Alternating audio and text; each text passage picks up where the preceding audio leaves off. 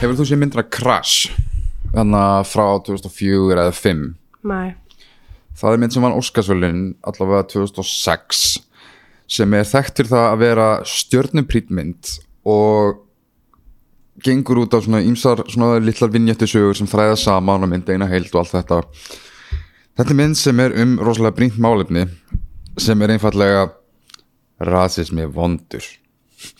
Og hver ein og einasta af þessum sögum er og ristir ekki dýpra heldur en þú ert bara að horfa á hérna Sandra Bullock, Don Cheadle, Brendan Fraser og fullt af liði sem er bara eitthvað já, bara eitthvað helvítis pakk helvítis pakk. Og fáinn er læra en þú veist, að horfa á þessa mynd er eins og að svona, fylgjast með því að það hefur bara komið einhvers konar svona, svona flensa, svona rasista flensa yfir alla, bara eitthvað svona klotja veskið ef að tveir blökkum er að lappa fram hjá þér og þau eru fara að stela bílinu mínum þeir eru pottitt á ekkurju basically já og hún, ég meina, hún er skrifað og mér held með þess að leikstýra gæði sem hann að vann fyrir, nei vann fyrir bara í vísindakirkjunni þegar hún var gerð en þetta er alltaf, þetta er, þetta er sögulega þekkt sem ein ein af ódýrari Óskars myndum bara svona fyrir eða síðar fyrir það með þetta svona horfasa mynd, hún er vel leikinn hún er vel skotin ágætlega samsett og bara svona faglega unnin alveg þú veist, þú sérðu alveg peningin sem fór í hana.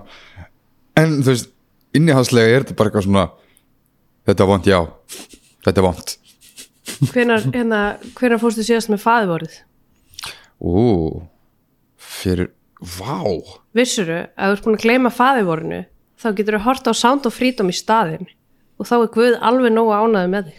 Mm, þetta er eins og eiga beint samtal við Guð sem, sem einhvern veginn ennfremur bara útskýrir eða í rauninni undistrykar þá pælingu að þessi, þessi mynd er einhvern veginn sagt til að, já, súmera snögt, við erum aðeins að fara að kra, krafsa í, í Sound of Freedom sem er, það er ekki aðteglisverð því það ég fæ að tala hans um bíómyndir. En þessi mynd er, eins og öruglega verjendur hennar myndu vera uh, sammála þetta er miklu megin en bara bíómynd. En hún er bíómynd. Vissulega, en hún er, og einn ástokkur er áhugavert að geta aðeins kröfið hvað í óskoparum þetta er búið að vera, út af því að þessi mynd er nánast meira lífstíl en, en skáldverk, nei, þú veist þetta meira lífstíl en en ekki aðeins bara listaverk. Þetta væri svona eins og að gera bíómynd þar sem allir leikararnir eru kvolpar en hún er um Hitler yeah. og fólk má ekki vera á móti myndinni af því að þá vill það bara drepa kvolpa skilur það er þetta briljant og þá bara eitthvað svona, hvað meinaru? Okkur viltu drepa kvolpa? Wow, þetta tapp inn á pælingu sem ég oft, oft hugsa um að, að væri actually mjög, mjög áhugavert sem væri, veist, að gera mynd um helfurina með sokkabrúðum bara það getur verið svona, úi, það getur flippa eða láta börn leika sokkabrúðurnar. Þannig að ef fólk er á móti helförinni þá bara eitthvað, okkur hatar börn með sokkabrúður? En áður við fyrir maður út í hljóð frelsis þá langar mér að hérna, nefna við erum búin að fá smá skilabóð sem er óslega gaman. Sem því það að einhver er að hlusta. Just, sem skiti, ég vissi ekki eins og væri kveikt á mæknum. En hérna mér finnst gett skrítið að hugsa til þess að þessi fólk að hlusta á okkur finnst það gett svona heiðrandi þú veist, að því ég er bara eitthvað ég hlusta ekkert mikið á podcast skilur og hlaðvörp. Hlaðvörp, afsakið. En mér finnst ótrúlega heiðrandi að vita til þess skilur að við erum að taka upp hérna kannski í klukkutíma eða eitthvað. Og það er bara fullt af fólki að taka klukkutíma úr sínu lífi til þess að hlusta okkur tala skilur ég ætla að hlusta okkur í bútum já. en já, samanlega klukkutíma, já, það er rétt. En þú veist, mér finnst það samt gætt magnað sko. Og ég bara, allir sem eru að hlusta á okkur að þakka ykkur innilega fyrir að gefa okkur tíman ykkar. Og einmitt á þeirri umræðu þá fekk ég skemmtilegt input frá uh, ekki, ég ætla ekki að segja nafnið á henni sérst, hérna manneskunni út af því að veist, þetta var ekki beinlinis skilabótt til okkar, þetta var bara samtal sem að leitt út í það að ræða þáttinn og ég kunni rosalega mikið að meta. En þetta var út af því við vorum að ræða áður uh, hug, hug, hugmyndina konseptið guilty pleasure. Og ég segi basically bara það er ekki til neitt sem heitir guilty pleasure bara, bara ónaðu og fílaðu það sem þú fílar. Og við komum til að segja þetta mjög skemmtilega punkt. Og hún segir þú veist hérna, að bara þetta koncept hefur breyst mjög mikið í gegnum tíðina. Ok, fuck it, þetta er Lovísa Lára, ég segi það bara. Hún er fellow podcastari. Hún hlaðvarpari. Hlaðvarpari. Hlaðvari. Hún segir hérna "M- mér finnst ekki lengur guilty pleasure að horfa allir eins og raunveruleika þætti að hlusta á Celine Dion en núna er guilty pleasure þe- þegar þú fílar eitthvað sem er siðferðislega rámt til dæmis eins og að hlusta reglu á mjög problematic podcasts sem þú veist að, að eru problematic og þú ættir ekki að hlusta það og elska enn tónlistunars R. Kelly. Þetta myndi konstituta En ég held samt sko þú veist að það þarf ekkert endilega að vera gildi eins og bara með tónlistinans R. Kelly skilur maður getur alveg notið þess að hlusta á tónlistina en samt vitað að hann sé kynferðisbróta maður skilur að maður geti þú veist einhvern veginn skilið þetta tvent að þú veist maðurinn er hálfviti en tónlistin er kannski ágætt en það væri annað að þú væri að hlusta á tónlistinans R. Kelly og bara eitthvað þessar kettlingar voru allar að ljúa og eins með í rauninu munin á því að hlusta á eitthvað sem er þú veist, mögulega siðferðislega ránt en ég meina þú veist er ekki svolítið þunn lína með þess hvað er að sækjast í eitthvað sem er siðferðislega ránt sérstaklega í hlustun eða upplýsingagildi og hver er munin á því að forvitni? En er, hvað er siðferðslega ránt við að hlusta á eitthvað sem er umdelt?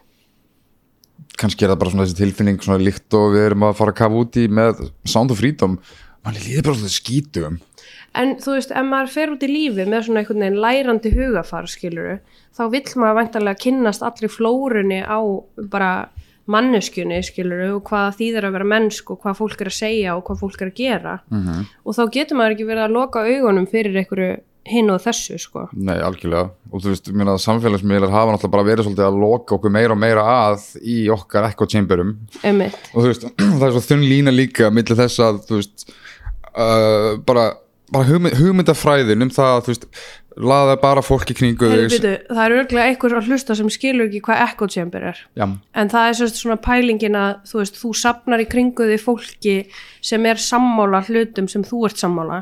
Þannig að til dæmis uh, ef þú ert mjög hlindur Sound of Freedom þá er vantarlega newsfeedið þitt fullt af fólki sem er að tala vel um myndina sem styrkir því þá í því að myndin sé góð skilur. En þú heyrir aldrei hina hliðina að því það er búið að loka þig af frá fólki sem er ósamálaðir.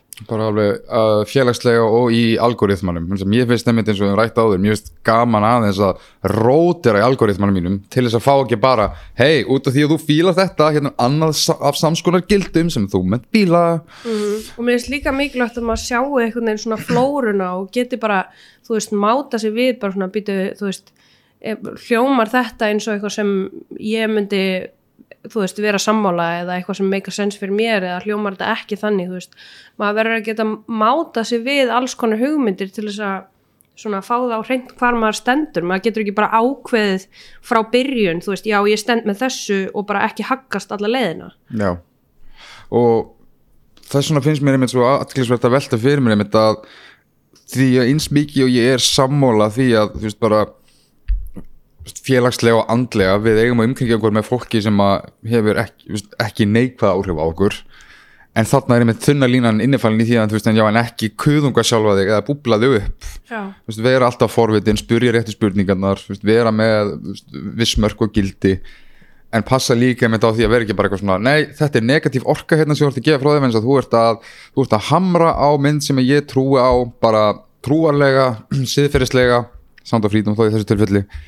Og þá, þá myndast náttúrulega bara meiri rígur vegna þess að það hefur svo sannlega gert með þessa mynd. Ég, hefst, ég hef verið kvikmyndanöttari alla mína ævi alveg, alveg vel sko frá að skrýða upp í þú veist, hérna, 40 ári nánast. Og ég hef sjaldan sem mynd skipta fólki í fylkingar út frá bara uh, social gildum blammeringum og eða einhvers konar, ég veit ekki þú veist, mér langar nánast að nota orðið einelti í samingi einhvers Og sem er verið að verja. ef það er eitthvað að hlusta núna sem þú veist, finnst Sound of Freedom útrúlega mikilvæg mynd og finnst hún, þú veist, er útrúlega svona kannski reyður út í okkur fyrir að vera að tala um hann á gaggrinn hátt, þá langum við bara í fyrsta lagi að rósa þér innilega fyrir að hlusta á okkur og vera opinn fyrir því að heyra eitthvað sem aðrir hafa að segja sem aðhyllist ekki þínum gildum. Og í öðru lagi, við erum 100% til í að taka umræðinu um þetta. En við erum ekki tilbúin að taka umræðina um uh, þú veist, þannig að þú aðhyllist barnanýði eða eitthvað svona, við erum ekki tilbúin að taka umræðina ef fólk ætlar að þú veist, draga álíktanir skilur við erum bara að horfa á þetta ég meina, sá bakgrunni sem ég hef ég er sérst á 15 ári í félagsrákjöf sem þýðir að ég er búið með alla kennsluna, ég var bara eftir að skrifa mastersvitger og fara í starfsnám. Ég tók námskeið uh, í Tavistokk háskólanum um tengslamyndum batna, þannig ég á svona að kunna að vita svona sirka hvernig börn eru og geta sirkað út, ég má sérst ekki framkvæma beinlýnis tengslamatt, en ég veit hvernig þau eru uppsett og út á hvað þau ganga og hvað er verið að skoða þegar tengslamandi er framkvæmt. Þannig að ég á svona sirka að vita, veist, hvernig börn líta út þegar þeim líður illa, þegar þau eru með ummunur aðila og hvernig, hvernig þau líta út þegar þeim líður vel með ummunur aðila. Um, þetta er svona kannski það helsta sem ég byggja á, svo ég náttúrulega lært bara í félagsrákja á náminu, þú veist, um alls konar svona uh, vandamál sem gerast, þú veist, á söðu kvili jarðar, þú veist, allt þetta með að fólk flytur til vestræðna landa, sérstaklega mæður til þess að vinna, senda peningana heim, skilja börnin eftir sem býður upp á mjög mikinn félagslegan vanda fyrir þau og tengslavanda. Þú veist, þannig að það er alls konar svona í gangi uh, sem ég veit alveg um og ég veit alveg að barnaþrælkun er vandamál og ég veit alveg að barnanýð er vandamál. Það er ekki það sem við erum að segja þarna, en við erum bara að segja að það sem myndin er að gera er að hún er að beina sjónum eitthvað allt annað en þar sem raunverulega vandamálið er Já, skilur, hún er að beina fólki á, þú veist, já, byrju, þú getur bara að fara til Suður Ameríku með, þú veist, byssur og fullt af peningum og leist vandamálið, það er ekki málið. Aha, málið er það að langmestu og Guð, þú veist, mátt Guðs. langmestu hérna, segir þetta ó, orð, Svona tíðinni, fjöldi. Já, langhæsta tíðinin á barnaníði og bara skadalegum hlutum sem börn verða fyrir gerast innan fjölskyldu eða af hendi nákomins aðila. Já, þú veist, þannig að ef þú ætlar að vinna raunverulega gegn barnaníði þá þarfst að horfa nær þér þú Mm. þarfst að horfa á fólkið í fjölskylduninni þú þarfst að horfa á vinafólkið og þú þarfst að vera með börnunniðinum og byggja tengsl með börnunniðinum þannig að börnin upplifir sig örug til þess að geta sagt þér frá ef það gerist eitthvað Mhm. þú leysir ekki barnaníð með því að fara eitthvað staðar til Suður Ameríku og panta 50 börn og borga fyrir þau skilur Mhm. Ef fólk enn veit ekki nákvæmlega út af hvað Sound of Freedom gengur, hún hveðst náttúrulega vera byggð á sannri sögu uh, fyrrum leini þjónustumanns á nafni Tim Ballard sem í rauninni fer til Kolumbíu og tekst að uppræta í rauninni eða svona uppljóstra mjög uh, svona illan ring af í rauninni, þú veist, hérna já, man, mannsali á börnum, barnaníðum og bara svona veist, öllu tilhýrandi einhvern veginn og svona til að gera þá löngusögu mjög stutta hann í rauninni fer og svolítið svona white saviorar yfir sig til þess að geta hérna og, og, og fyrir að bjarga nokkru börnunum og kvikmyndun og narratífan snýst í rauninni um það hvernig hann er að uh, svolítið fá einhvers konar hugljómun um bara nei, það, þú veist, hérna og við, fyrir aðeins í gegnum uh, framvinduna uh, eftir smástund en þú veist, uh, langasagan í stýttra formi er í rauninni að veist, hann er að kynnast þessum heimi og verður bara með bara reyðan hnefa guðus að gera eitthvað í málunum og hvernig þetta er framsett að mínum að þetta líktar rosalega mikið á svona þessu típiska ameríska foreign policy fokkaðir rungi sem er með þetta bara svona að einhvern veginn við getum enforsað og bara renegata okkur út í hvaða land sem er svo lengi sem við gerum þetta í, hérna, í nafni guðus og hérna þú veist og landamæri skipt ekki máli við erum að berjast fyrir, fyrir Guð en við verðum samt að styrkja veggin Ógvið, já. Með aðferðafræði leini þjónustunar er of, of stíf og hún gerir ekki vandamæli þú verður eiginlega að fara út fyrir verkferðla og í rauninni bara svolítið svona rambóa yfir þig sem er pínuð það sem þessi mynd gerir. Nú náttúrulega veit engin nákvæmlega annar en Tim Ballard hvað nákvæmlega gerðist en þú veist, ég tel mig alveg að hafa góða mynd af því hvað er einhvern veginn svona temmilega samsett narratífa og ég get ekki með neittni samverðsku sagt að ég hafi keift þetta. Mm. það sem átt sér stað í myndin ég get alveg trúa því að það hafi verið einhverju faktorar sem að Meina, þetta er náttúrulega byggt á raunverulegum atbyrðum þetta er ekki heimildamynd þetta er, þú veist, mynd sem er byggð á raunverulegum atbyrðum en meira þess að heimildamindi geta verið slanta, slantandi og, og, ég meina, myndur þú taka Moby Dick sem heimildariti eða? uh, nei, ég myndi taka þessi menningarétti já, en þú veist, er það ekki eitthvað svona sirka byggt á raunverulegum atbyrðum eða? já, svona, já, það, það er hvala ekki lesið blási hana, af vinnburum en allavega þessi, sko þessi mynd gefur mér einmitt svolítið svona American Sniper vibe sem er, em, sem, ég, sem, ég- sem ég bara fyrirlít út af því að eitthvað svona að, að taka fólk sem er að drepa aðra og setja það upp á eitthvað stall og gefa þeim eitthvað já. svona þú veist, kristilegan tilgang eða Já. eitthvað svona og svona, þú veist, þú ert að berjast fyrir þú veist, hérna, jörðina þína og landið þitt og þú ert að sinna þínu hluturki, herra kallmaður í hernum Mhm. eða þú gerir X eða Y og þú veist, bara, ég hef sjaldan verið með jafn mikið í kókinu og þegar í blá lókjana á Amerikan Sniper það feitar út yfir í svona forsetta jarðaför sem basically segir sko, já, kontu og joinaði hérna herinn. Og Vissur sérðu- samt baksöguna með American Sniper? Og guð, já, ég, og það gerði mig eiginlega bara reyðar út í myndin eftir að ég sá hana. Mér fannst hún bara rosalega svona Já. blað svona er bara cheap, cheap svona tilfinningabeita. Að því ég hef náttúrulega talað um uppáhaldspodcastið mitt þannig Mhm. uh, Swindled þeir tala um með mitt American Sniper í einhverjum þætti. Og þar kemur fram bara að hann hafi þú veist logið upp á eitthvað þingmann hann hafi barið sig og það fór eitthvað þvílíkt lengst í, í réttakerfinu og þessi þingmaður vann svo málið Já. en hann vann málið sem og fekk greitar bætur sagt úr dánabúi gaursins Aha. eftir að hann dó og þá fekk þingmaðurinn samt á sig slæma, slæmt orðspor fyrir að vera eitthvað svona lögsækja dáin mann þú veist Aha. og þetta er bara svona vá hvað einn maður einhvern veginn býr til bara svona path of destruction einhvern veginn þetta er bara svo mikil þetta er svona í ódýrari man, meira manipulærandi skilningi en Top Gun, þetta er bara army recruitment mynd og af flestum endursögnum sem snerta þessu máli, þessi maður ég er, bara, ég er svona eiginlega búin að gleyma hvað hann heitir það er Amerika Snæbergörinn, nei, veistu, bara, ég kalla bara Amerika Snæbergörinn, hann var bara by all accounts snar.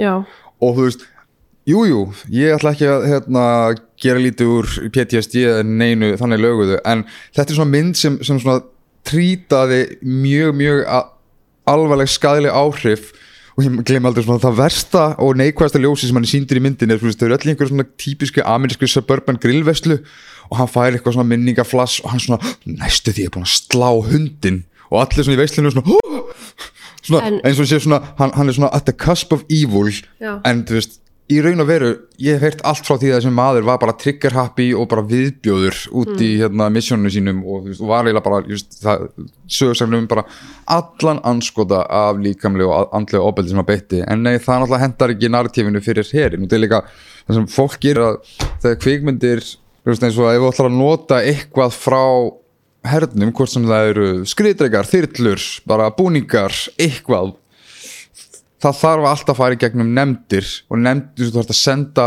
eintök af veist, til alveg bara fjölda yfirnefnda sem berið undir aðra nefndir. Og fullt af, fullt, fullt af kvikmyndum hafa fengið sinjanir og bara svona, já nei, þetta við gúturum ekki hugmyndafræði þessara kvikmyndar, þið verða að finna aðra leiði til þess að skaffa ykkur hérna, resursunum ykkar. Og þú veist En mér finnst kannski svona sterkasti punkturinn sem mér fannst ég taka út úr sko American Sniper er svona svolítið þú veist það sem hann talar um að, að hann getur ekki séð skotmörkin sín sem manneskjur. já, Þú veist, hann verður að sjá þau sem eitthvað svona uh, vondikallin eða eitthvað svona obskjúr, þú veist, eitthvað skrimsli sem hefur ekkert sameigilegt með honum. Til þess að honum þarf ekki að líða illa með að skjóta þau. Já, og mér finnst það einhvern veginn líka svolítið tengjast inn í sko Sound of Freedom. Algjörlega þetta er, svona, að þetta er þar vekk filosofían þar er þú veist mikið gert upp úr því að skapa karakterinn hjá hérna sem Tim Ballard sem er þannig leikinn, þú veist það er eitthvað svona lagt upp úr því að segja hann á mörg börn og hann á fjölskyldu og hann hefur þessa sögu og hann brennur fyrir málstanum og hann er, hann er hákristilegur og þú veist hann hefur allir þessi gildi þú veist og það er mikið lagt upp úr því að móta hans personu en svo eins og til dæmis tók ég eftir þegar að sko hana konan sem er ein af hérna hvað var hún? Svona batna seljendum eða, eða svona milligöngu aðili eða eitthvað svona sem, sem tekur börnin frá foreldrunum. Já, ertu að tala um- já, þessi sem að var að grúma litustelpunar já, og hún talar eiginlega ekki neitt. Og við sjáum alltaf bara svona skota af henni þar sem hún er svona með augun pýrð og svona lítur út fyrir að vera vond skiluru og alltaf svona vond tónlist undir. En við fáum ekkert að vita um karakterinn hennar skiluru þú veist, við fáum ekkert um þú veist, af hverju er hún að þessu uh, hvaða hvaða kvata hefur hún til þess að gera þetta. Þú veist, að því ég meina við getum náttúrulega alltaf stoppað fólki að gera eitthvað en við hindrum þá ekki að það gerist sem við erum að stoppa fólk við að gera nema við skoðum, veist, hvaða kvatar eru að baki, er hægt að leysa vandan einhvern veginn öðruvísi án þess að fólk þurfa að fara út í þetta barnaþrælkuna dæmi þannig að mér veist það svolítið líka skilur sína svolítið í myndinni. Við eigum ekki að sjá vandafólki sem fólk.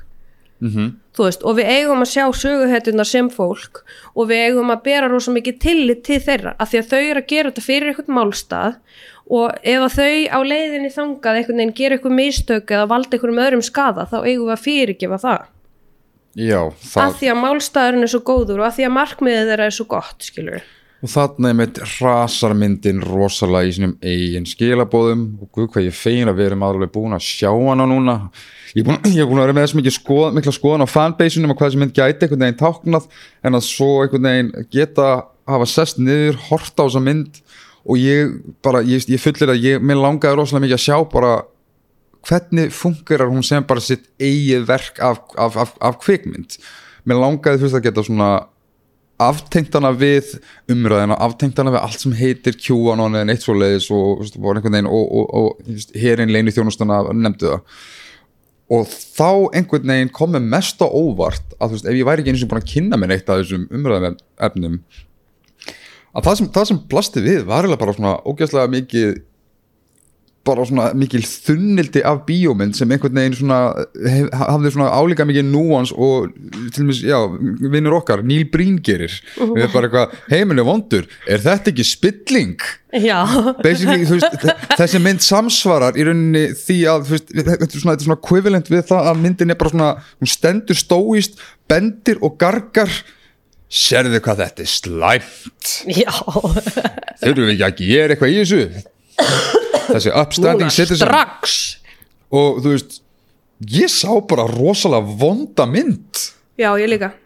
Og þú veist, mér er eiginlega nána sama hvernig raun, raunheima tengingin er en raunheima tengingin og hvernig myndin er að presenta sig og hvernig hún skautar hjá að málstað á þess að spá einu sinni í svona, well, ég veit að það er high order, en ég meina, þú veist, að myndin hafi ekki einu sinni svona listrænt gildi í formi þess að nota einhvers konar þemu í tengslu við, þú veist, með þjáningu barnana, hvernig þetta gerist, hvernig hún bara vippar út einhverjum og einhverjum tölfræðum og hvernig hún svona reyna að totta alla tárkirtla áhörunda með því að bara, þú veist, halda það sé nóg að segja bara eitthvað sjáðu börnin, Já. sérðu hvað þeim líður illa Ég er náttúrulega horfið mjög mikið á börnin þegar ég horfði á þessa mynd Já. og mér fannst einhvern veginn sláandi sko þegar maður kynnist fyrst hana sko tveimur sískinum það er stelpa á strákur og við um einhvern veginn að fá þá tilfinningu þú veist að þau eru rosa náin en það kom alveg svona nokkur skot þar sem stelpan er bara hún tekur bara gerfilegasta stærsta brosið sitt og horfir svona upp þú veist í mjög svona einhvern veginn sko, ef þú myndir taka þetta út frá tengslamatinu þá væri þetta eitthvað sem kallast hérna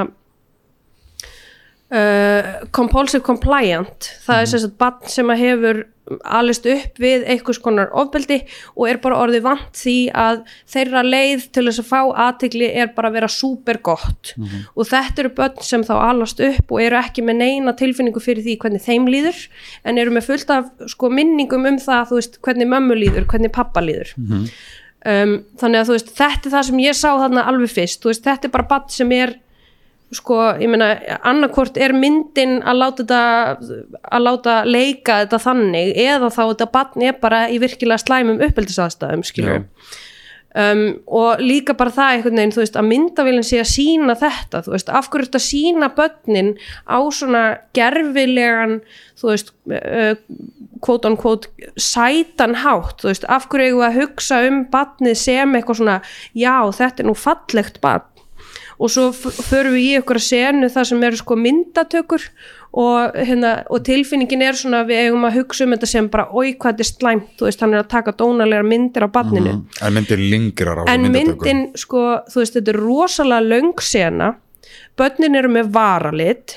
Þau eru, þú veist, að, að, hérna, að ífa upp á sér hárið einhvern veginn og láta börnin vera í svona kynfyrslegum stellingum einhvern veginn, láta þau standa á ákveðin hátt. Mm -hmm. er myndin að sína okkur þetta veist, þetta myndi mér bara svolítið á cuties, það sem að maður er að horfa á þetta og manni líður hálf illa fyrir að horfa á þetta, þú veist, á ég að vera að horfa á þetta? Þetta er frekar, já, þetta er svona svolítið grós, skilur þetta er einmitt nákvæmlega, þetta er einmitt líka það sem ég gera layerinn já, og stelpan var svona kannski 8, 9, 10 ára. Með varalit og í þessari myndatöku, þú veist, eitthvað alveg bara, já, gerum svona við hárið að þér og eitthvað svona, þú veist, það er eitt að hafa varalit á badni sem er 14 ára sem gæti kannski viljað vera með varalit, skilur en þetta badn, þetta var svo greinilega alveg bara við verðum að setja á hana varalit. Algjörlega. Þú veist, til þess að við getum tekið þessar sexy myndir af henni. Ég ætla að lega mér að segja að sko, op, ok, ég, það er tvær hliðar sem að mér langar að stúdira myndina út frá. Og mjög snögt objective hliðin af mér sem hugsaður um þetta sem bara sjálfbær s- sjálfstæð kvikmynd ok, ég fekk mynd sem var skýtsæmilega tekin upp en ógeðslega, þetta bara í hörslettu orðið egregious þegar kemur að uh, eins og hún nefndir þetta með, með, með römmunina nei, með römmunina eins og hún nefndir þetta með bara þú veist, það er bara gott eða illt -hmm. myndin er löðrandi í svo ógeðslega miklu svona einhver svona, svona Kór- eða svona, já, svona trúar Kórsöngur alltaf inn á þegar Tim er í skoti og alltaf þú veist guðdómlega ljósið á honum hún er svo og- majestically angelic að það verður bara svona þetta er eins og að horfa á eitthvað sem að Team America mynd myndi parodía Hvað mennur með því? Skilða ekki uh, hefur þú séð Team America? Nei. Ok, það er, það er sérst, hérna, brúðumynd frá South Park gæjónum hérna, Já. Trey Parker og Matt Stone. Hvað með góður, þú myndir elska Team America. Hún er svo fucking fyndin, snögt svona tangent, það sem að þú veist þeir, uh, það, það verður að ráðast inn í Cairo og elda hriðverkamenn og amerísku hérna, málalegarnir taka basúku, skjóta og splundra hérna, einhverjum, einhverjum, einhverjum hérna, píramíta og, og gæðinir er bara eitthvað, damn I missed him. Ekkert að spáði menningaskaðanum og það er vítakur hérna reglu vandin þetta er bara, það er ástæða okkur þemalega myndin er America fuck yeah. En aftur yfir í hérna, objective hliðina með stílin á myndinni og hversu angelically mikið rungu hún er ég bendi fyrir þess að á þetta þegar við vorum búin að sjá hana að þú veist, þegar einhver karakter innan gæðislapa táknar þú veist einhvers konar von eða purity eða eitthvað gott þá verður myndin ótrúlega yfirlýst með þessum svona guða gljáa en þegar kemur einhverju sem er svona representa meira svona shady veruleikan þá einhvern veginn baðast myndin í einhverju svona rauðu tinti og svona smoky einhverju svona atmói eins og sé bara að vera eitthvað svona nú erum við í helvíti. Svo líka fannst mér ótrúlega fyndi að alltaf þegar hann er inn í einhverju rými þú veist það er alltaf rosalega dimmt. Alltaf og meir segja kontrast, líka já. þegar hann var sko, hann tekur hann að uh, svona hann tekur skýslu af einhverjum svona kynferðisbrótamanni sem er einmitt svona típiskur eitthvað með pottaklippingu, skítugt hár og Oft- mottu og gleru og það er ógeðslega dimmt að inni. Menna hvaða yfirheyslu rými hefur séð það sem er bara myrkur að inni?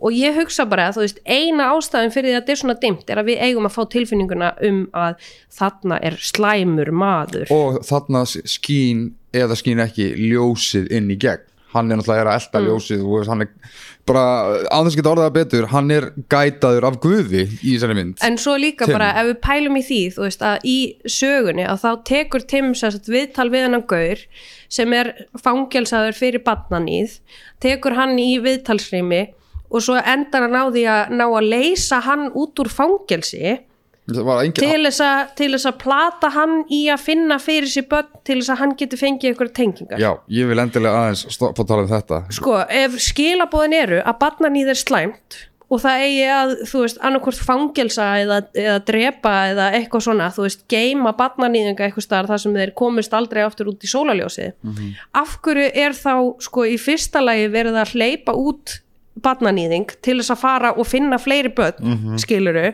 og af hverju er þá líka verið að afsaka það að söguhetja nummer tvö óvart Ok, við- nauðgaði barni? Við, ok, við þurfum aðeins að koma að þessu. Sko, subjective hliðin mín bara sem þessi, myndin er bara objectively dö, mikið, mikið stílrung mér finnst hún objectively ekkert spil leikinn og allt þetta hlutlaust mat eins hlutlaust og ég get gefið af einhverju skálduðu verki. Þetta er ekki það sem ég myndi að kalla vönduð kvikmynd með neinu móti. Personur er enga personur það er ekkert eins og, eins og ég nefndi það er engin svona það er engi grátónar. Nei, það bara, já, það er engin núans í mynd sem ég raun að ætti að bjóða aðeins meira og er svolítið að kalla eftir því að bjóða mitt upp á meiri núans, það er ekkit en samt sko, hún, hún býður upp á grátóna hjá bjargvættinum. Það kemur að því, ég mun kom, og við komum að því. Veist bara, þetta er bara vond mynd og ég er ekki meina ill hún er bara vond Slæm. já, bara, bara illa skrifuð. Bara persónur segja beint upp á það sem er að hugsa. Engar heilst eftir að manneskjur myndu tala með því móti eins og myndin er. Þetta er eins og, er eins og við erum ofta gagginni íslenska myndi fyrir að vera háflegar. Og það er nákvæmlega sem, þessi myndi er. Veist, með gæði sem standa á horfokotnan oftast mjög stóíst og tala bara einhvern svona frösum. Þetta er, þú veist, þú átt ekki að gera þetta subject að frasahasarmynd. Subjectively held ég og tel og líður eins og myndin hafi ekki hundsvitum um hvað hún er að segja og hvernig hún á að segja það. Og sem, sem afrakstur af því þá finnst mér hún vera svo brandarlega fyndin vegna þess að þetta er eins og að sjá einhverja svona, svona gay panic, svona no homo mynd frá hérna, aldamótunum. Já. það sem, það sem er raunverulega að vera samt að segja en eins og minna, ég, á svona félagi sem er homo sko, út af því að það sem algjörlega gerði mig galinn af mitt bara svona ég ætla ekki að segja undrun en einhvers konar alls ekki aðdáun en mér fannst raunverulega tilkomið mikið hvernig þessi mynd einmitt löð, er löðrandi í subtextum sem ég finnst uh, svolítið fara gegn æðsta gildi og málsta myndanar og ég get útskipt nákvæmlega hvern, hvernig. Byrjum að þess á framvindunni. Myndin hefst á því að hér er bara einhver pappi þessara batna, þessara sískina stráks og stelpu. Það, eh, einhver kona nálgast hann og segir hei við viljum fá hérna börnin í svona einhverja myndatöku. Eða dóttiðina Þetta var eitthvað staðar í hérna, sko, spænskumælandi landi þannig örglega eitthvað staðar í miða, miða Ameríku já, við að byrja að hái allavega, hérna pappin er bara eitthvað, oh, sweet, fæ ég að græða að tá og finna á kökkunum mínum og exploita þá í einhverjum hækusbæklingi, ekki málið. Hann er beðin um að yfirgefa svæða með hérna, þessi kona sem er að grúma og hún vil vera í friði með börnunum. Einhverju klukkutíma að líða pappin kemur tilbaka, hissa, brjálaður börnin eru farin. Stuttu setna tekum við einhvers konar ógeðslega rungandi montas sem er sýnt í gegnum einhvers konar uh, eftirlitsmyndavilar sem sýnir svona og gert til að sína hversu viðtækur vandið það er að þetta getur gerst hvar sem er á hvaða götu sem er að barnið þetta er bara snatsjað og það sem það, taka við bara rammar hver og eftir öðrum það sem bara einhverju, dúttar er bara eitthvað, "Au, krakki, minn! Já, þeir koma Aupa! svona, þú veist, kannski tveir á móturhjóli, móturhjóli stoppar, eitt gaurinn stekkur að því, grípur einhvern krakka og fer aftur á það, skilur sweet, þú veist, ok, það gæti alveg verið að þetta sé raunverulegt. Ég er stórlega efast það en það er ekki svona sem, sem sko badnarán fer fram. -hmm. að því ég meina hugsa um sem þetta. Ef þú ert badnaræningi og vilt kannski nota badnið í badnaþrælkunni skilur þú græðir ekkert á því að hafa badnið öskrandi allan tíman eftir mömmu sinni. Það er miklu betra fyrir þig þú veist, eins og var gert með þessi sískinni einhvern veginn, já þú veist pappiðin veit að þú ert hérna skilur einhvern veginn svona, þú veist, að nota þessar taktíkir. Eða þú veist að kynnast badninu og foreldrunum og fara svo með það eitthvað annað.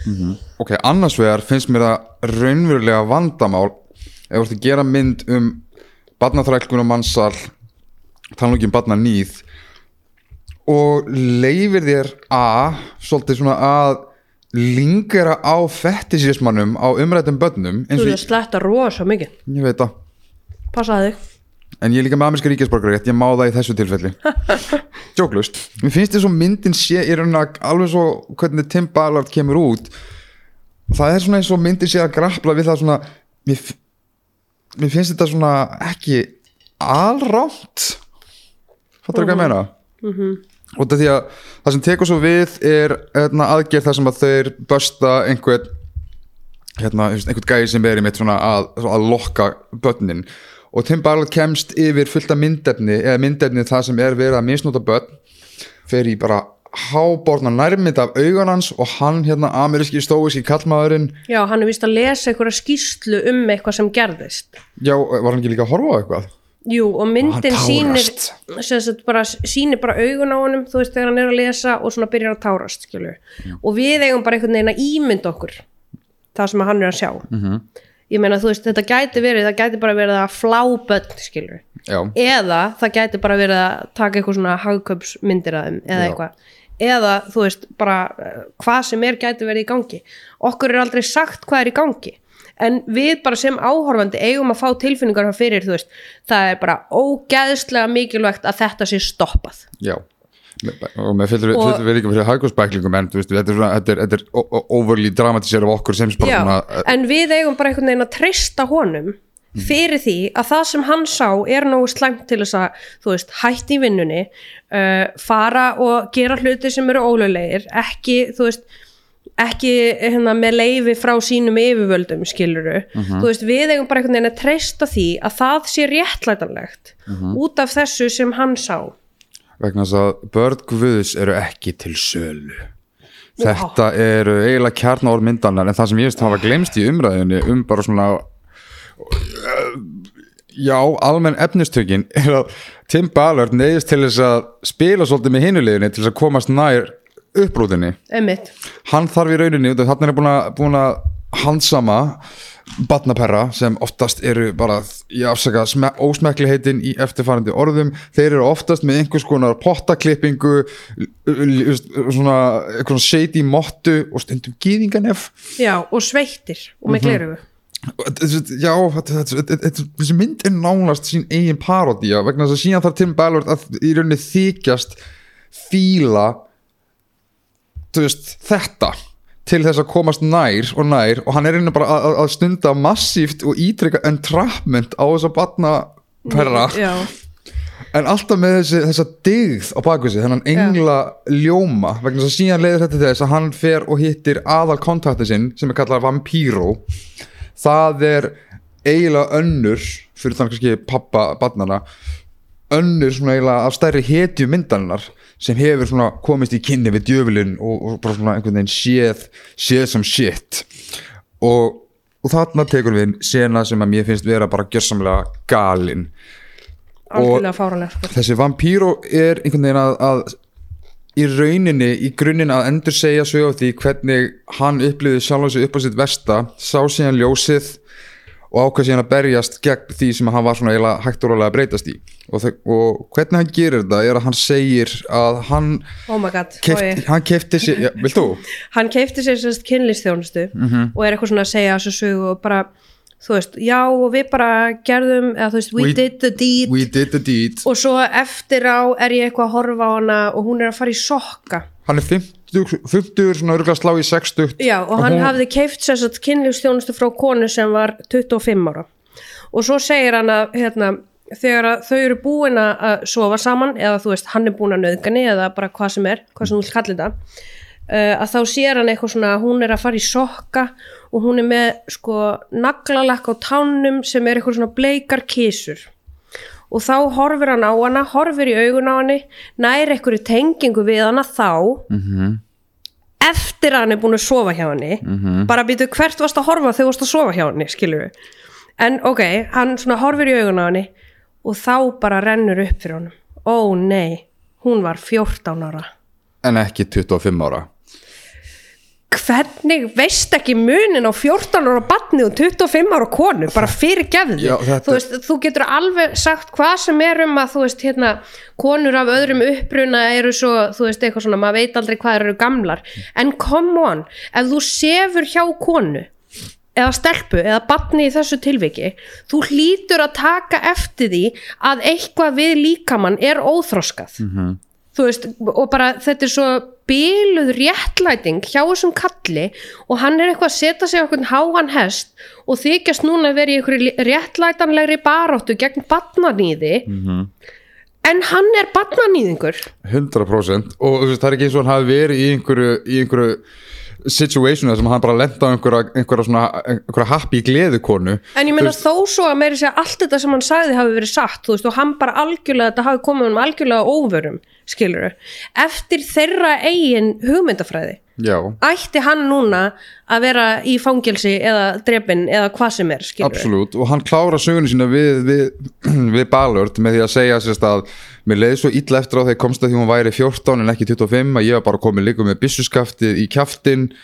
en Guð einhvern veginn skipti sér af og hann fann sinn aðri málstað sem er til þess að hjálpa í þessu tilfelli Ballard uppræta restina, en já, eins og það sé ekki nógu ekki fyrir en, en að svo þessi líka, þú veist, þó að þetta sé allt satt sem hann er að segja og hann er eitthvað bara svona ónei, þetta var bara óvart hjá honum það, það breyti því samt ekki að þetta barn er búið að verða fyrir skafa já, skilur og ef þessi, barna, ef þessi mynd á að vera gegn barnan í því þá eigum við að horfa á skaðan sem börnin verða fyrir. Við eigum ekki að horfa á gerenduna endilega skilur við eigum að horfa á skaðan sem börnin verða fyrir.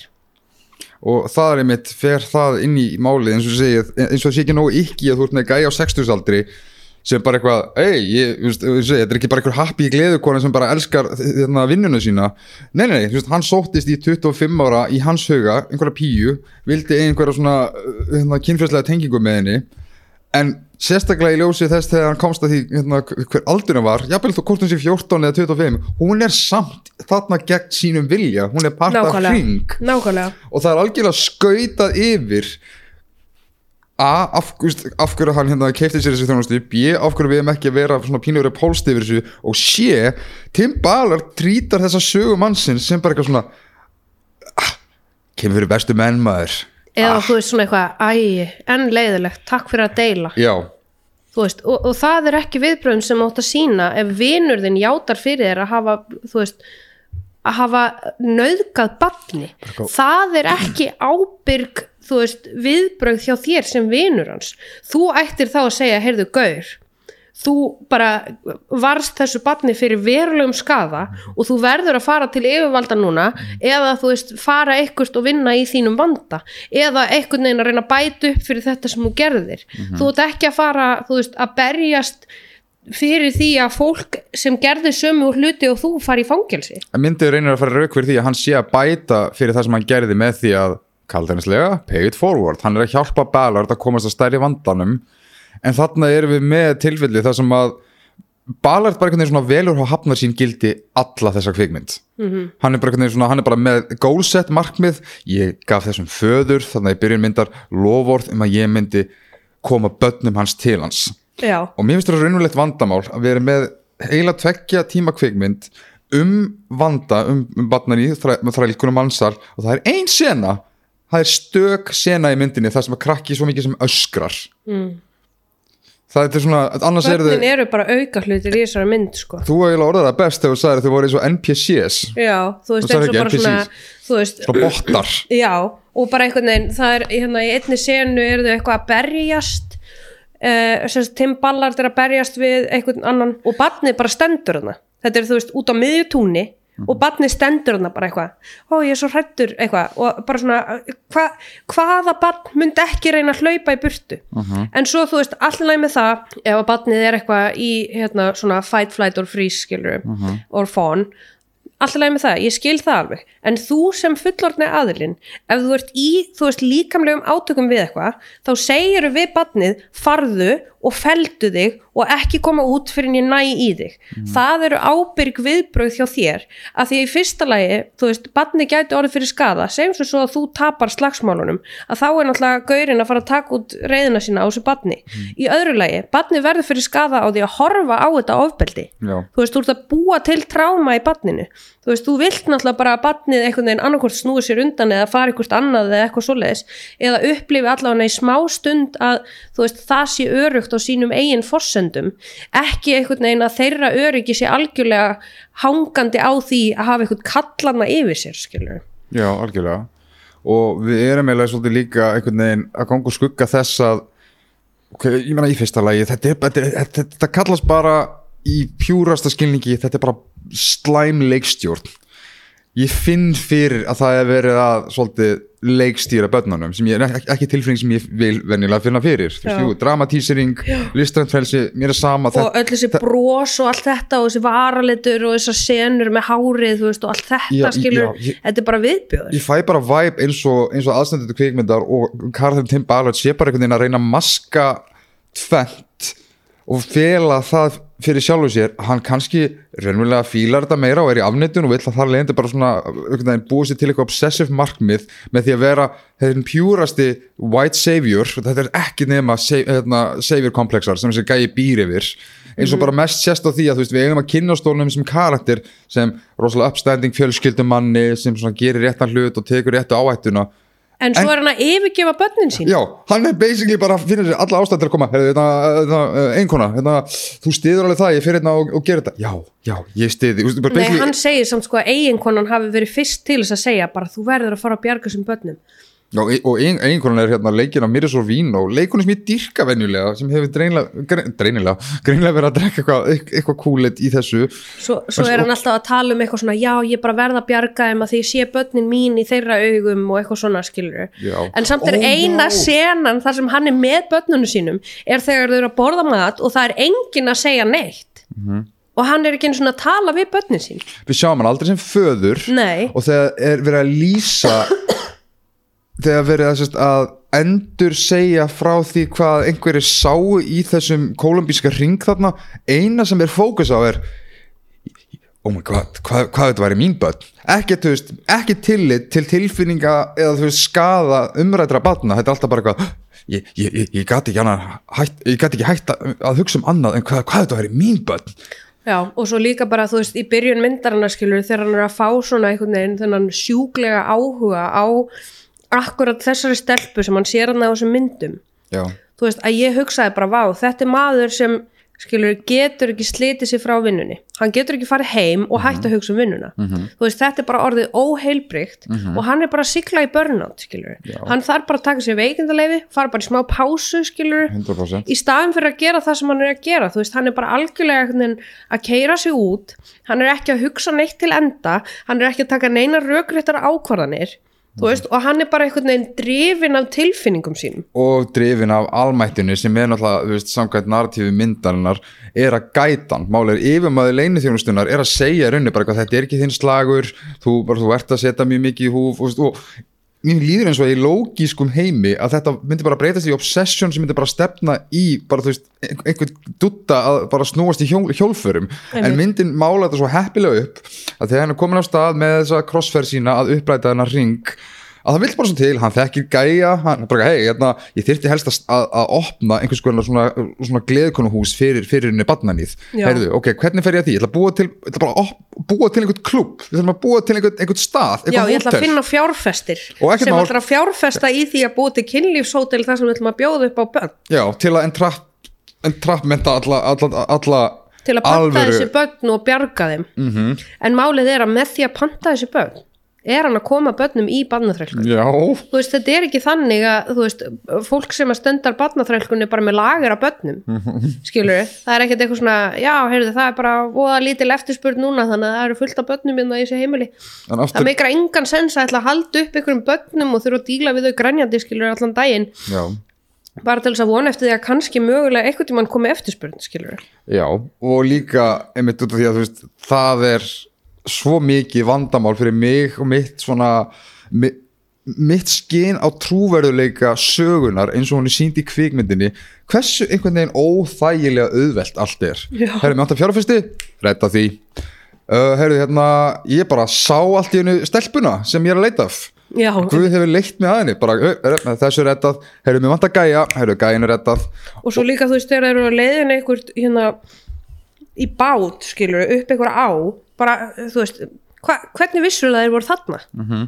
þú veist bara hvernig og þú veist, það sem te- tengir líka bæði eins og tengslu við framistu hjá krökkunum og þetta þetta Neil Breen element, ég veit að það er kannski ekki allir úti sem veit hver, hvað snillíkur Neil Breen er en hann er svona, hann er svona nýja Tommy Wiseauin sem gerir þetta rúm, ótrúlega superkristilegur amerískur einlaðu gaur en gerir myndir fyrir hræ ódýran pening. Þegar að horfa Sound of Freedom er pínu idealist eins og að horfa Neil Breen mynd nema bara með budget. Og það sem ég meina líka með því aðalega er að í Neil Breen myndum og hann hefur alveg gert myndir þar sem voru með hriðverka hérna, aðstæður og alls konar en leikstjórnin er þannig að allt virkar bara svona í mestalagi svona mildly discomforting það sem að þú veist, allt er svona frekar auðvelt eins og þú veist, ef við vera, þú veist, hérna rekja fullt af einhverjum hérna gíslum bara í áttina að einhverjum kofa, svona áfram með ykkur oh, allir einhvern veginn bara svona pínu Ó, svona nei. þreyttir og pyrraðir Já. og, og ég upplýði þannig með krakkana í Sand og Frítón svona, æ, að, þetta er fúlt ah, bömmur Já, einmitt. Ó nei, við vorum læst inn í gám þar sem við þurfum að dúsa og meðan Mhm. að fara með okkur yfir eitthvað haf. Ó nei, þú veist, það er ekkert eitthvað svona, ó, hvað eigum við að gera, þú veist, hvað eigum við að borða, við fáum aldrei að sjá einhvern veginn, þú veist, bara börnin einhvern veginn að vera í aðstöðunum sínum og við fáum ekki að sjá hversu slæmt það er. Að því ég meina ímyndaði er að vera krakki í gám og þurfa, þú veist, að kúka í fötu og ert með litla bróðin og þarft að bera ábyrðu honum og skilur það er ekkert ljós og allt þetta það gefur okkur tilfinningar. Það gefur okkur ekkert tilfinningar bara að vita af því og hugsa eitthvað svona, verðum að bjarga þeim eitthvað, þú veist, það hefði verið miklu betra að fá meiri senur um börnin einmitt, þú veist, í svona momentum á milli þjáninga sem, sem sína bara einhvern veginn áhrifin á þau. Já, þá í alveg væri myndin með eitthvað að segja eitthvað gildi um alvarleika málsins í staðins að fókus á stóíska kanan sem verður bara að rambóast til þess að bjarga þessum krökkum. Já. og meiri segja björgunaðkynni í lókin er bara eitthvað, hann er literally komin hann í einhver töl, bara lífandi tölvuleik í God mode, if you will. Og svo bara röltir hann inn í eitthvað þorp pikkar upp stelpuna og bara gengur út bara dramatíst já, átaka goddamn löst og þú veist ég bara s- s- þú veist, sit upp eftir þessa mynd bara svona nei nei nei, nei nei nei hvað, þú veist, þetta var þessi tveir tíma fór ekki neitt annað bara Tim Ballard að segja ég er awesome. Já, einmitt. Eða svona, ég gef skít fyrir hérna bjúrokratiska reglur. Mhm. Guð segir mér að gera þetta. Og yfirmaður leinithjónustunar er spilaður sem í rauninni svona hálgerður antagonisti. Það hann er í rauninni að tala algjörða lókik já, en það er náttúrulega bara nei, það er neikvæða röddin sem að hann og, og bara hans guðs afl verður að sigrast á. Einmitt. Og þú veist, yfirmaðurinn hans er að segja bara eitthvað, býtu allra að hætta núna? Þú ert tíu mánuðum frá því að fara á eftirlaun skilur Já. þannig að þú veist, ég, ég hugsaði mitt alveg bara býtu þetta meikar alveg sens sem hann er að segja. Þú veist, hvað er myndin að segja okkur með því að hafa þetta í myndinni og ég hugsaði bara já ok, við eigum kannski að hugsa um þetta sem þvílíka fórn Það er sem Tim. Ballard er að færa fyrir þessi börn, skilur en málið er náttúrulega að eins og kom svo fram í lókmyndarinnar að, hérna, að fólk í bandaríkjunum er langstæsti kaupandi á barnaklámi Já. Þannig að það er miklu meira verk fyrir hann að vinna innan bandaríkjana Já. heldur en nokkuð tíman utan bandaríkjana uh af því að þó svo hann bjargi 50 börnum í mið-Ameríku ef eftirspurnin er ennþá til staða í bandaríkjunum þá mun bara efni koma annars staðar frá skilur þú veist, þú getur ekki verið að ferðast um allan heim tala nú ekki um kólefnisfótsporði nei, það. til að bjarga einhverjum einum og einum börnum þegar eftirspurnin er ennþá til staðar heima hjá þér. Menna hvað veit hann um hann, er, hann er bara að flýja frá sjálfum sér. Það er eins og þessi að flýja einhvern veginn svona eigin, eigin kvatir og, er sko, og það er svo fyndið hvernig hann er alltaf að entrappa þessa, þessa, þessa petóa með því að vera bara eitthvað svona hei, ég, ég er einn af ykkur sko, einn af ykkur. Já, já, já, heyri, hvað segir hérna, já, krakkar já, já, ég, na, ég hef líka verið að glíma við þetta ég hef ekki haft neitt til að tala um þetta. Og náðu þeim, já, ha, sígar inn hérna einhver, einhver, þú veist, sérsveit. Já. ha, ég náðu þér, ég þóttist þér að petó fokka þér og svo líka Næsta bara eitthvað svona ef það væri svona auðvelt að fanga fólk sem er í barnaþröldumi myndi þá ekki bara allir gera það? Jú, og þú veist, ofan á það, mér finnst að myndir sé að dangla þessu yfir okkur, þetta með, þú svona, heyrðu, hérna, þú ert að setja hérna, lífverðin í húf með þessu og hérna, bara eitthvað hugsaði um sós og stuðugildið eh, þú Pældiði eitthvað- hvað eru margir núna sem eru búin að horfa á þessa mynd sem fara bara eitthvað, hei, ég ætla að fara að kaupa barnaklám svo ég geti bjarga börnunum. Já, akkurat. En spáðu síðan, en spáðu líka í því þú veist, ef, ef einhverju aðri myndi apa eftir þessu bara, herri, ég ætla að fórna hérna mínu, mínu stöðugildi og ég meina bara minn pension er hérna í húfi. Svo bara, ok, ég er komin í meina crossfit æ, shit, já, ég, er ekki, ég get ekki bara svo, veist, vippað út einhverju miljardamæringi sem getur fundað aðgerðina mína. Já, bara fyrir einskjari fucking tilviljun. Og þú veist og aftur yfir í konun hans sem Mira Sorvino leikur og hún er einn af framleiðandi myndarinnar það er eitt að gera mynd sem er skelþunn í persónusköpun. En það er annað þegar þú veist, þú ert bara já, mér þetta er ekkert annað hug, orða í huga en bara svona NPCs og þetta á líka við með einkonuna einu sem að einkonan hans balat skýra allar myndin er bara já og amen og bara, þú veist já, já eiginmaður, þú ert flottur eiginmaður. Ég skal vera hérna með börnunum eiginmaður. Þú ert að gera réttan hlut. Hérna, flýðu börnin. Settu lífið þitt í húf. Bara, neina, þetta er Guður að segja að gera þetta frábært. Og þú veist, svo hvernig ætli börnunum hans líði? Þau þekki ekki pappa sinna byggla Nákvæmlega. Ekki með neinu móti. Heldur þau sé ekki bara í ykkur sjálfsmynda kreppa því þú veist eitthvað svona pappi er að bjarga einhverjum börnum út í heimi þú veist þessi börn út í heimi eru mikilvægar en ég fyrir pappa mínum þú veist, ætla það fokkt upp að alast þannig upp sko. Já, og myndin er náttúrulega fyrir utan það bara samansapn af senum að fullt af einhverjum kallmönnum að tala um hvað þetta væri þín börn? En þetta, þetta virkar svo kallmenn sem er ekkert mikið kringum börn almennt. Nákvæmlega. alveg svo aðstandendur myndarinnar, eins og það hafa aldrei séð krakka áður. Eins og þannig yngri bróðurinn, bara svona ok, heyrðu, við erum með barn í senunni, hann er ekki ennþá komin í, hérna, í þrælaldi, hvað gera börn? Heyrðu, gefa hann bara dótabíl. Já, einmitt, og sínum hann eitthvað svona fytla við dótabílin eitthvað svona vrum vrum Já, ekki einu sinni það, hann gerir engin hljóð hann er bara fytla við hann eitthvað. Leika með bílinn, le ég, ég sá bara fyrir mér einhvern með gjallahotnið bara utan ramma. Leika með bílinn, leika með bílinn og hrættur og leiður En þú veist, þetta var alltaf einhvern veginn sömu stillingar samt. Krakki var bara eitthvað svona, svona mildly perplexed mm -hmm. og svo með stelpuna og brosa brosa meira, brosa Mhm. meira Herri, við ætlum að gera myndatöku þar sem við setjum að þið varalitt Já, Og við verðum klæðum- að ífa upp hárið þitt til að þú sért nú sexy Já, setja þið hérna fína, mínu fína kjól það er ekkert máli að kameran er á þér í svona tímíndur Við klippum þetta allt saman Ímyndaðu samt að vera þessi stelpa sem leikur þetta, skilur við. Það fokkt upp, bara að vera sett í þessar aðstæður, veist, og að þessar myndir séu til af þér og þú veist, þú sér teiknuð upp sem eitthvað svona þólandi badnaþrælkunar, skilur við. Þetta astnalegt. og já, myndin hefur ekkert að segja í rauninu um hvatir þeirra sem kaupa sér þjónustuna. Myndin hefur ekkert að segja í rauninu um í rauninu þessa, þessa, þessa, þessa mannsals innri ringa og myndin hefur raun og verið ekkert að segja um sko að því ég tók einmitt líka eftir hann að pappin sem fer hann með börni sín og eitthvað svona, já þau ætla að verða módel skilur okkur er hann að þessu? Getum við ekki sínt kannski þú veist, ok, pappin er eh, frá svæði þar sem að bara ekkert annað er í bóði en þú veist, uh, að rækta eitulif eða eitthvað svona og Já. það er mikið á svona uh, skipulari glæpastar sem í kringum hann og hann hefur kannski enga aðra þú veist, möguleika á að afla sér tekna Akkúrat. heldur en að fara með börnin í eitthvað svona módeldæmi það, það er bara eins og pappir í byrjunu hafi bara ákveða að exploita fyrir auka pening sko. Já, emmitt og þú veist, að því að málið er það að með, með mikið af þessum glæpum þetta eru bara glæpir að því að þú veist, peninga Akkur setjum við ekki frekar peninga í að veist, bjóða þeim möguleikan og afla sér lífverðni með öðrum hætti heldur en að setja peninga í Operation Underground Railroad sem gerir eitthvað óvíst uh, starf til að vinna gegn badnaníði. Já. Svo kemur mér sér fram í lokmyndarinnar að vegna fræðar sinnar er Tim Ballard hættur að fara sjálfur í þessar ferðir. Þannig að í hvað er allir peningurinn að fara sem maður á að styrkja Operation Underground Railroad um? Akkurat. Og þú veist hvernig þetta er líka sínt með pappanni mitt það sem að bara hvað, já já, ég skal mæta hérna með börni mín tvö til einhverja konu sem ætlar að hérna, mynda þau hérna, fyrir, fyrir hakusbæklingin ég skil börni mín bara eftir hjá þessari konu í einhver, einhverjum klukkutímu saman kem tilbaka, banka á einhverja einhverja skítu og hurð í einhverju hóteli. Ó nei, það er enginn þarna lengur. Ég hugsa bara, djöfisist dumbfuck fadir Já, og líka bara sættu þau klukkan sjö. Þú veist, ef ég væri foreldri og myndi fara með börnum mínana, þú veist, annað barni nýjára og hitt kannski, hvað, fimm ára eða eitthvað, þú veist, og eitthvað myndi segja mér já, þú mátt ekki vera einn inni, ég myndi bara sitja fyrir utan hurðina, sko, ég myndi ekkert eitthvað fara heim og bara eitthvað að prjóna og koma svo tilbaka á tilsettum tíma, sko. Já, og hann er í alveg einhvern veginn svona Já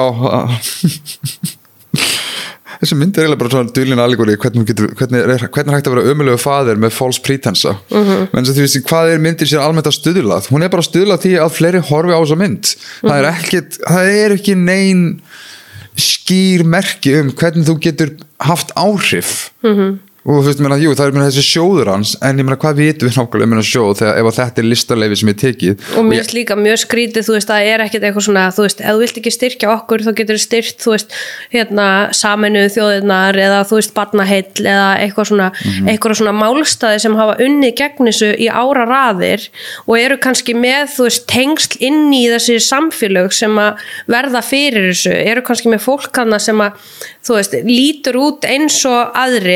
á kannski auðveldra með að mynda tengslu þess að foreldra eða eitthvað þannig. Í staðin fyrir að fá eitthvað hvítan kall sem býr í bandaríkjunum, þekkir ekkert um menninguna mætir á staðin og að bjarga þeim skilur þó er ykkur að spotta, gerir brítur lög og er að gera álíka vafa saman hluti með því að setja saman strengi af einhverjum kaupþjónustum bara til að koma, aha! Já, einmitt Þannig að ég veit ekki, ég held að séu til margar leiðir til þess að hérna, vekja aðtegli á því vandamáli sem barnaþrælkun er út í, út í heimi. En þetta er ekki leiðin til þess. Alls ekki. Og veist myndin er síðan svolítið mjög mikið bara beitaði með einhverju tölfræði hérna til lokin. Bara það hefur aldrei verið meira um svona viðtaka vanda. Svona já en þú verður að taka inn í reikningin að veist að mannfjöldi jarðar hefur snar hækkað.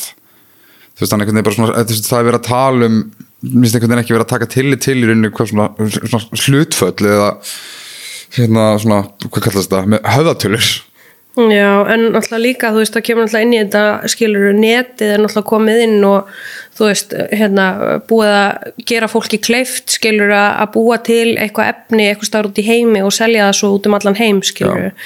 Um, og ég meina, þú veist, það er vissulega vandamál, barnaþrælkun er vandamál. 100% en þú veist, þú vinnur ekki gegn barnaþrælkun með því að fara á staðinn og bjarga einhverjum, þú veist, 50 börnum skilur, þú vinnur gegn barnaþrælkun með því að leita upp í fólkið sem er að borga fyrir þetta. Þú veist, follow the money, sko. Já, og einhver sko er líka, ef það er eitthvað sem er líka viðtækt vandamál, þá er það, það renegade aðgerðir, einhverja leini þjónustu tappa sem einhvern veginn vilja framkvæma síni verki í nafni Guðus. Þetta Og- er líka ótrúlega hættulegt fordæmi. og líka bara pælt í því, þú veist, þeir koma hann á einhvern veginn og, og bjarga þessum börnum skiluru, hvað heldur samfélagið sem þeir svo fara frá skilja eftir, eða þú veist sé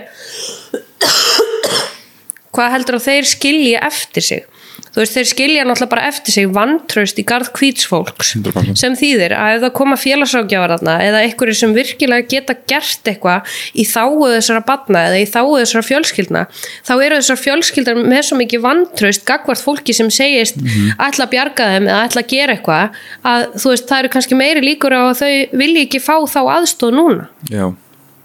Og mér finnst líka, sko, við höfum líka kynnt okkur svolítið viðtöl við Tim Ballard og ég meina, gott að blessa Vá, finnir áður að ef hann er að vinna, veist, þörf störf en mér líður einhvern veginn eins og þessi mynd sé að setja kolvillist fókus á kolvillist vandamál. -hmm. sem er ekki, þú veist, þú veist flest viðtöl við Tim Ballard er bara svona um hann, Já, ekkit ekkit, þú veist, í rauninni kafað út í uh, vandamálið. díteila á hvað það er sem hann hefur séð eða upplifað eða hvernig þú veist hann getur einhvern veginn spórnað að einhverju forvörð, þetta er oftast bara svona já ég, já ég gerði þetta, já ég gerði þetta. Já, konar mín, konar mín. Já, Já. svona mörg börn. Uh, konar mín styrti mig svona. Hvað þetta er börnin þín? Hérna, þú veist ég er trúaður og þú veist ég er trú, já, svona leið mér áður en ég fór í þetta svona leið mér eftir þetta svona er búið að vera síðan ég gaf út þessa mynd skilur það, það er mjög lítið um þú veist, já þarna út í heimi þar er verið að gera svona hluti og, og hérna þú veist svona þetta kerfi er byggt upp þannig að bla bla bla þú veist, við fáum ekkert að vita um það við fáum bara að vita um hvernig honum leið að quote on quote bjarga þessum börnum. Já, ef þú vilt virkilega uppræta að gera eitthvað sem, sem einhvern veginn hefur raunverulega áhrif það hefði alveg mögulega verið hægt að madra þetta sem heimildamind sem bara svona að gefna frýtt út á streymi einhver sem að, einmitt, já, þú veist, hefur ekki bara einhvern eitt sjóð til að síja öllum hérna, styrtapegnum í, heldur bara svona verjusunir af leiðum og eitthvað sem að tekur fókusin af aðal dúttanum sem einhvern veginn retta þessu tala nú ekki um það ef að tilgangurinn væri að vekja aðtigli á þú veist, barnaþrælkun og eitthvað Já. þá myndi þessi mynd vera ókipis þú veist, þá myndi hann bara já. bjóða upp á frjálsframlög eins og hann gerði náttúrulega í Mhm. þú veist, við framleiðslu myndarinnar að það var eitthvað svona GoFundMe eða crowdfund eða eitthvað, þannig að hann var raunverulega búin að borga fyrir myndina skilur en þú veist, hva, hvert er peningurinn að fara sem við erum að borga fyrir að fara á hana í bíó akkurat veist, af hverju, af hverju er hann að tala svona mikið fyrir því að vanti peninga til þess að þú veist Um, til þess að koma myndinni hans áfram í Já. staðan fyrir að segja að vantar peninga til þess að setja í þennan málstað þetta er það sem við ætlum að gera við peningana við ætlum að byggja upp þetta infrastructure skilur, Mhm. þetta er það sem ábyrgt fólk gerir sem er í svona þú veist, samfélagslega nýsköpun eða einhvers konar um, svona bara aktivisma Já, algjörlega Það veist, síðasta það, það, ég- það er bara gagsætt og það talar um bara nákvæmlega okkur vantar svona peninga til þess að gera þetta og við ætlum að gera þetta með peningana frá ykkur Mhm. í staðin fyrir að segja bara eitthvað svona já, styrtu málstaðin hvað þýðir það? Já, það þýðir rauninni bara það að nákvæmlega þetta að fleiri og fleiri sjá þessa mynd til þess að geta í rauninni bara svona, þetta er svona svipað þegar þú ert að borða kvöldmatinn yfir, yfir kvöldfréttanum og þú sérðum eitthvað ástand, ástandi í Sútan eða, eða þú veist, hérna í þú veist, Úkrænu fyrir fólk sem kemur æjæ, en leðilegt og svo halda áfram að borða. -hmm. út af því að það sem þessi peningur er að fara í er einfallega Angel Studios sem geta núna, þú veist, Tim Ballard er búin að segja, já, ég er að vinna einhverju heimildamind með Mel Gibson og Tony Robbins. Þú veist, svona þið eru bara búa til ykkar einn business model út frá, þú veist já, Og þjáningum af hverju annara finnst þér mikilvægur að tala um að Tony Robbins og hérna Mel Gibson eigi part í myndinni Oh heldur en að tala um, þú veist, já við erum að vinna heimildavind um, þú veist, nákvæmlega þennan vanda á þessum stað í heiminum, það er rosa mikilvægt að því að bla bla bla Já, nákvæmlega. Þú veist, og hann er bara að réttlæta það að við eigum að gefa hann peninga að því að hann er með sko Mel Gibson og Tony Robbins hann er að flexa Já. hann er að network flexa úi, bara Ugh, þessi mynd. En já, þú veist, það eru örugglega einhverjir sem er hérna útilustandi sem að gæti að hugsa að þeir inn í þessa mynd á, á, og ákvaða hatana eða diskorsið uh, skástrík umræðan er að lita ykkur. En ég meina þú veist, mér finnst þetta bara mér finnst þetta bara svo blatant og borðliggjandi. Og ég vissi að það væri einhver svona einhver, einhver lykt af umræðunni veist, og, og, og takt eftir, við erum eiginlega ekkert mjög lítið búin að nota veist, eitthvað orð, orðaforða eins og QAnon, conspiracy, eitthvað svoleiðis það er ekki einu sinni relevant. Nei, það finnst mér bara algjörlega veist mér að jú, er myndin líklegri til þess að höfða til svo kallara COVID-a, Trumpista einhverja svona QAnon nöttara mögulega, flatt örþurs mögulega dyrkana, ég get alveg fullkomlega full til meira að segja þú veist að ö, þú veist, fadir minn heitin hefði öruglega náða að lepja þessa mynd upp. Ég held meiri segja að móður minn geti horta á þessa mynd og verið bara eitthvað, ó, hvað þetta er hræðilegt með hvað þetta er góður maður. Þetta er svolítið gert fyrir uh, yfirborskenda hugsun en svo er með þessi stóra spurning hvað svo? Þannig að þú veist, ok að vekja aðtegli á barnaþrælkun skilur en hvað svo? Þú veist, þú ert með mynd sem er að espa upp reyði í garð barnaþrælkunar. Ótrúlega. Sem á alveg rétt á sér skilur en þú verður að vera með eitthvað þú veist, hvað ætlar að gera við þessa reyði þegar þú ert með fólk sem fer á þessa mynd í bíó og kemur út af henni gett reytt hvert á það að setja reyðina? það er einmitt eitthvað sem ég langaði að nefna þetta rétt aðeins undir lokin sem er einmitt að ég hef einmitt upplifað reyði gagvert í að vera einfallega bara með skoðun á myndinni og á þræðið sem ég sett á Facebook þá var ég einmitt að kommenta á þetta og ég, ég, ég gerði status um einmitt hennan umræta áðurnenda Vampiro og segi hérna eftirfærandi Í myndinni Sound of Freedom kemur fram reyndar Hilarious sena þar sem miðaldra kallmaður hvaðist hafa sængað 14 ára stúlku haldandi og verið 25 ára.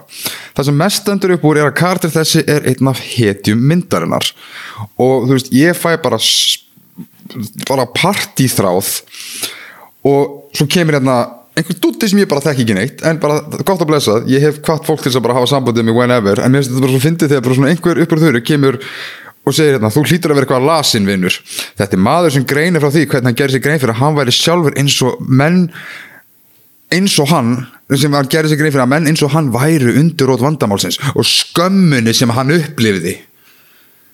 Hvað með stelpunum sem hann auðguð Hvað með gaurinn sem var í fangelsi? Ætli hann upplifa enga skömm? Mm og í þessum sama þræði, þú veist út af því að ég er að kommenta að myndi sé hákristileg þá fæ ég svolítið spurninguna, hvað hefur á móti kristnu fólki Já, ég hef ekkert á móti kristnu fólki en ég hef á móti úber predikunar level gildum sem segja hérna, hérna, hérna.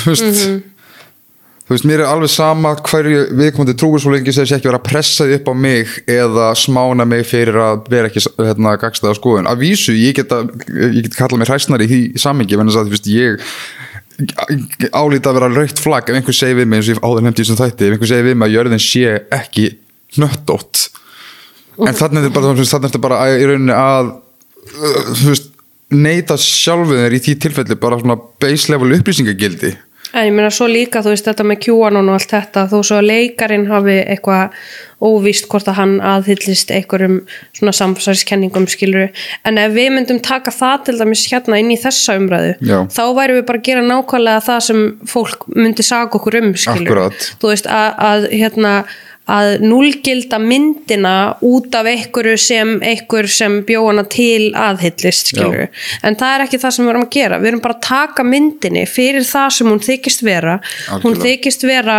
bara ádeilumynd og uh, svona að benda á einmitt batnaþrælkunni eins og við höfum talað um. En það bara algjörlega missi marks. Algjörlega. 100% og líka einmitt út af því að ég hef í sjálfur sér ekkert að móti því einhver horfa þessa mynd og bara hvað þetta var fín mynd, þetta var góð mynd, hún snerti við mér og fekk mér til að hugsa. Mér líður skítum fyrir að segja en það er bara frábært ef fólk er að fá okkur út úr þessari mynd en það er meira svona, já það er espunin, það er reyðin og sérstaklega hvernig hún hefur svona beinst að öllum sem að er eins og ég og þú sem höfum skoðunir á því að bara svona, heyrðu, þetta er svolítið grunnhyggið og þetta er svolítið pínu að fókus á kolvitlis að vanda í samingi stæra vanda. Vegna þess að þú veist auðvitað hlítið þó alltaf að vera samsæri og þöggun. Vegna þess að út af því að þessi mynd fekk ekki dreifingar aðala árum saman þá hlýtur það að vera þöggun. Þetta er mynd sem mátt ekki komast í, hérna, hérna, upp á yfirborðið. Veist, Netflix hafnaði hérna, dreifingu á þessar mynd og þeir bara hvað þeir, þetta samsvarar ekki okkur gildum eða bara við viljum þetta ekki, sorry, þetta er bara ekki góð vara. -hmm. og þá tók við þessi eins og við viðkjöndum, þetta er briljant markasetning bara svona að þú sér hvað efni er fyrir hendi og bara, hei spilum bara á þetta, myndin er greinlega að hreyfa við þér bara svona láttu sem flesta vita. Og ég, ég, ég alveg dáist að því hvernig svona lítil nánast bara pure indie mynd náði þessum status á sínum forsendum, það bara vill svo til ég hef skoðanir á forsendunum. Ég held bara líka að aðalatriði sé að fólk verður að geta séð þessa mynd sem afþreyingarefni. Hún er afþreyingarefni, hún er ekki, þú veist, félagslegt verkefni eða hún er ekki, þú veist, þetta er ekki heimildamind, hún er byggð á raunverulegum atbyrðum. En ég meina, þú veist, hvaða myndir eru ekki byggðar á raunverulegum atbyrðum, skilur? Ég meina, Titanic er byggð á raunverulegum atbyrðum. Eða ekki? ég, ég sjálfsögðu Emitt, menna hvaða önnur mynd er byggð á raunverulegum atbyrðum- atburðum uh, Schindlers list. Já, en ég meina þú veist það eru fullt af myndir sem er það augljóslega ekki og það er alltaf lista og skáldarleifi notuð. Og, þú veist, og stundum er það í lægi, meira þess að heimildamindir eru stundum að ég meina, ég Michael Moore gerði þetta ítrekkað hann var að beigja ímsa staðrindir bara til að koma svona þýsispunktinu sinni til skila. En, en þú veist, ég get ekki fólta þó ég sé kannski ósamara pólitíkinni þá ber ég virðingu fyrir því að það sé grunnpunktur sem, þú veist er einhver kjarni á umræðinu á umræðu verki. Þessi mynd hefur eiginlega engan svoleiðis. Hún er bara eitthvað svona, "Huh, þetta er töff þetta er slæmt. Mér finnst líka myndin sko kannski vera að minna um badnaþrælkun og meira um raunverulega bjargvætti badnaþrælkunar já, nefnilega. Og það er rosa hættulegt sko. ef þú ert að fara að bjarga einhverjum að því að þú vilt vera bjargvættur að þá, þá ertu ekki að bjarga neinum. Þá ertu bara að þú veist færa fram það sem þú vilt fá út úr björgunni ekki það sem viðkomandi sem þar, þarnast björgunar þarf að fá. Og sérstaklega myndin er ekki menni tillit til þólendana -hmm. þú veist, já ég segi, jú veist, það er verið að benda okkur á að krakkarnar upplifa hremmingar. Og og segi, það er ein öskursena með sýsturina sem vil komast út. En þú veist, þetta er bara it rings false skilju, þetta er svona mynd, myndavélinn svona pushar inn og það er svolítið verið rosalega mikið að impra á þú veist, sjáðu hvað þetta er ljótt. Og mér finnst líka einhvern veginn svona kannski skilabóðin sem myndin gaf mér er að við eigum að vera með samúð með sko Tim Ballard og hinum gaurnum ég nöðgaði óvart 14 ára stelpu. Uh, eins og maður gerir. Já, við eigum að hafa samúð með þeim en við eigum ekkert endilega að hafa samúð með börnunum. Nei. Við eigum að vorkenna börnunum, þú veist, við eigum að horfa niður á börnin, ó nei, þetta er hræðilegt, Já. en við eigum ekki, þú veist, að komast á þeirra level og hugsa vá hvað er hræðilegt að vera í þessum sporum. Já, þeirra tráma skiptir myndinni engu máli, það er Akkúrat. bara viðlíkingin hvað þetta í þín börn mm -hmm. Einmitt.